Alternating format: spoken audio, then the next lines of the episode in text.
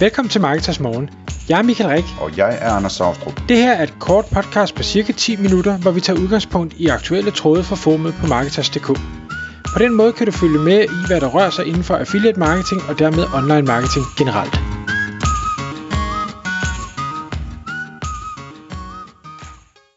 Godmorgen Michael. Godmorgen, Anders. Hold da op. Du har sendt mig et link til øh, en anmeldelse på Trustpilot af et affiliate site, Ja, hvor øh, scoren den ligger ned omkring en stjerne ud af fem eller sådan noget, ikke? var halvanden, tror jeg, ja. Ja. Øh, det er lidt rystende at se, fordi det er faktisk det, man normalt vil kalde godt affiliate site. ja, præcis. Og øh, altså, det, det, det, der er en grund til, at scoren er så lav, og det er jo, at folk de, øh, de skriver, så vidt jeg kan se, at, øh, at, at de anmeldelser, der er på det her site, ikke er gode nok. De er ikke up to date, og de er sammenskrevne fra andre kilder og sådan nogle ting, ikke? Ja. Fodboldsvinden øh. Øh. er der flere, der skriver. Ja, og det er det selvfølgelig ikke. Det vil jeg gerne understrege, fordi øh, det pågældende site laver ikke den slags. Men øh, de prøver måske at, at lave så lidt arbejde som muligt og få det størst mulige resultat, kan man sige, ikke? Øhm, så hvad var det, du kaldte dagens overskrift? Den skal jeg lige have frem her igen. Øh, jeg har kaldt på med den... falske anprisninger. Ja, Ja. Og, og man kan sige, nu, nu var det, emnet kom så egentlig af, at, at jeg faldt over denne her, øh, og, og normalt er det ikke så, eller, eller det er ikke så normalt at øh, se affiliate sites øh, på Trustpilot. Øh, så, så det er som regel kun de helt store, altså, og det vil jo så sige, det er jo faktisk dem, der gør det rigtig godt på affiliate basis, som har besøgende nok til, at der rent faktisk er nogen, der gider at begynde at kommentere på det positivt eller negativt. Og vi ved alle sammen godt, at, at negative oplevelser, det, det, det har vi som mennesker en tilbøjelighed til at råbe lidt højere omkring. Og, og derfor så kan man sige, det er nok også det, der, der gør sig gældende her. Det her øh, pågældende affiliate site har helt sikkert ikke en Trustpilot-strategi for, hvordan øh, får vi positive anmeldelser, ligesom mange e-commerce virksomheder har, og sørge for at, at få, få alle de glade kunder til at, at henvende sig. Så, så derfor så havner man ofte i en sådan et negativ spiral, øh, fordi det kun er alle de sure mennesker, der, der råber op. Men, Ja, altså en ting jeg sidder og tænker, det er, at det er jo heller ikke sikkert, at det giver mening for sådan et affiliate site at prøve på at have en god pro- tr- Trustpilot score. nej, slet ikke. Slet ikke. Øh, men øh, det kan så vise sig i fremtiden, at det måske er vigtigt, ikke? Altså hvis, hvis folk begynder at installere de der browser extensions, som, øh, som gør, at når de kommer på et website, så bliver de advaret, hvis nu at websitet har en dårlig score eller et eller andet, så, så bliver det måske mere, mere vigtigt i fremtiden, ikke? Men der er også det der i det, at, at øh, altså, jeg går ud fra, at mange af de her folk, som anmelder sådan noget på Trustpilot, det er sådan nogle, du ved, ligesom på Wikipedia, sådan nogle, øh, der ligesom er, er stolte af at bruge Trustpilot og elsker at bruge det, og føler, at de er en vagthund for internettet, der holder øje med det hele, ikke? og har skrevet 50 anmeldelser på Trustpilot, fordi hver gang de falder over noget, så, så skal verden have det at vide, eller sådan noget. Så, så det er jo sådan en dynamik, man skal være opmærksom på. Jeg, jeg tror, der er, mange, der er mange typer, øh, også fordi jeg også selv øh, bruger også selv Trustpilot en gang imellem. Jeg, jeg bruger det så på den modsatte måde at sige, hvis jeg har en virkelig god oplevelse, så, så gør jeg alt, hvad jeg kan for at sørge for at fortælle om det. Ja, okay. Og det er fordi, jeg vil gerne støtte virksomheder, som har givet mig noget over forventning. Ja, ja. Dermed ikke sagt, at hvis der er nogen, der er virkelig elendige og, og pisser på mig og et eller andet, så, så gør jeg også det modsat. Øhm, men, men er det bare so-so, øh, så, så gider jeg ikke gøre noget ved det.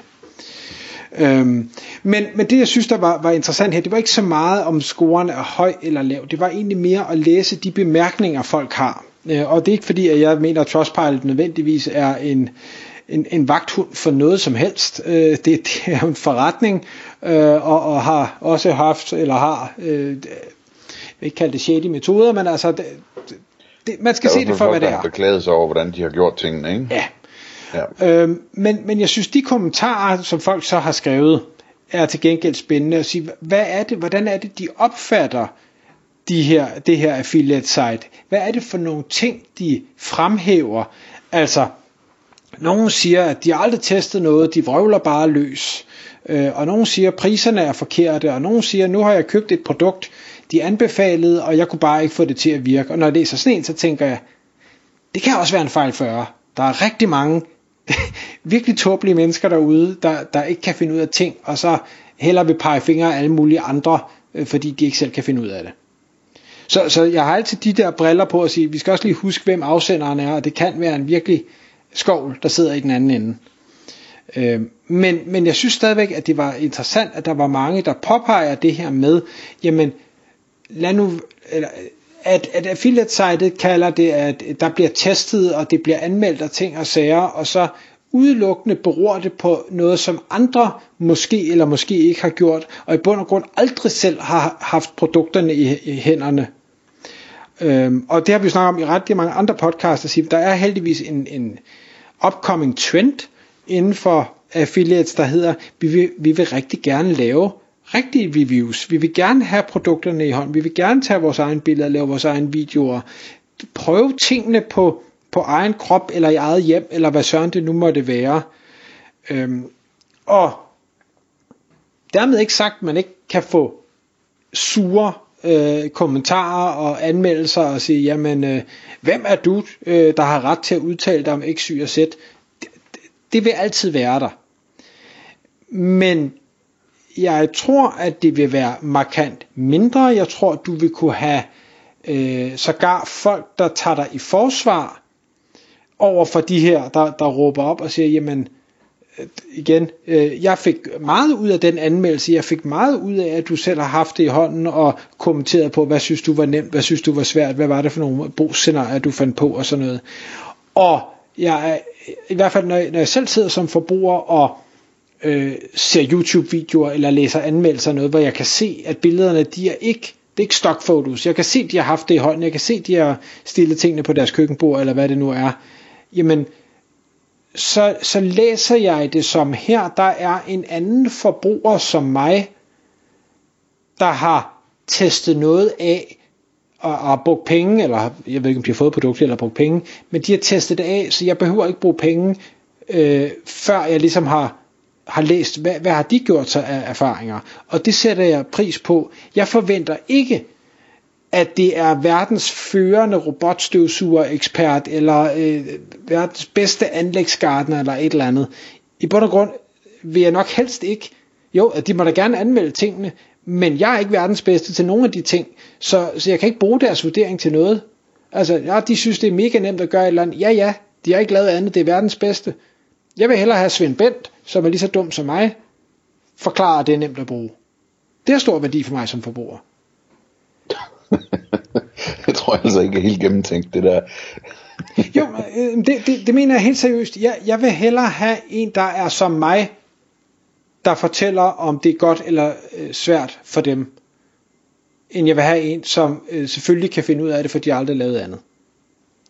Jeg vil hellere have en, som øh, er super ekspert på området, og som samtidig kan sætte sig ned på mit niveau, og dermed forklare mig, hvad for en jeg skal vælge, og hvorfor, og hvad den er godt for, når man er på mit niveau, eller et eller andet, ikke?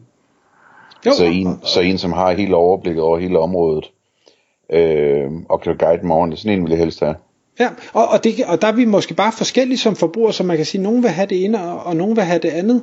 Øhm, og man kan sige, jeg kan sagtens blive skuffet, fordi at Svend Bent måske ikke var ligesom mig. Øh, du kan også blive skuffet, fordi du så får et produkt, som du faktisk i bund og grund ikke kan finde ud af, fordi det måske alligevel var for svært. Ja, øhm, det er rigtigt. Så, Men det er faktisk meget interessant det der, fordi det, øh, nu jeg sidder og tænker over, altså, de der Svend Bent videoer der, ikke?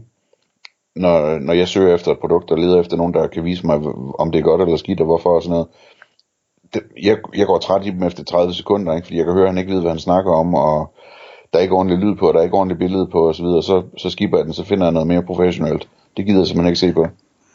Jeg, men, jeg mener jo ikke, at Svend Bent nødvendigvis skal lave øh, dårlig kvalitet med ringe belysning og skrættende lyd. Jeg, ah, mener, nej, jeg mener, han behøver ikke være ekspert, for at jeg ja. finder stor værdi i det, han laver. Nej, okay. Øh, og, og jeg kan huske det med, med, øh, da jeg kiggede efter en looplæser på et tidspunkt, der faldt det sådan en amerikansk video, men det der overbeviste mig om, hvad for en løvblæser jeg skulle have, det var en, der jo bare havde en eller anden kæmpe græsplæne med en masse blade. Så havde han tre løvblæser, han havde testet, og det var bare, hvad for en kunne blæse hårdest og mest. Og der er lavet sådan, øh, ja, sat dem op ved siden af hinanden, og så kunne man se, hvor meget kunne den her blæse væk. Og så kan man sige, findes der ikke tusind forskellige løvblæser? Jo, det gør der sikkert, men det var ikke det, jeg havde brug for. Jeg havde bare brug for at vide, en eller anden har testet og sagt, den her den er bedst, jamen så er det godt nok. Så køber jeg i hvert fald ikke de to andre, fordi den her den var bedre. Men, øh, men det var også mere for at sige, jeg, jeg synes i hvert fald, som, hvis man arbejder som affiliate eller influencer eller ting og sager, jeg tror, vi skal passe mere og mere på at udgive os for at have gjort noget eller være noget, vi ikke er. Heller være reel og sige, det er det her, jeg er, det er det her, jeg kan, og jeg har rent faktisk gjort det, jeg siger, jeg gør. Så tror jeg, man undgår meget af de her shitstorms, der kan dukke op. Det tror jeg, du er helt ret i. Tak fordi du lyttede med. Vi vil elske at få et ærligt review på iTunes, og hvis du skriver dig op til vores nyhedsbrev på marketers.dk-morgen, får du besked om nye udsendelser i din indbakke.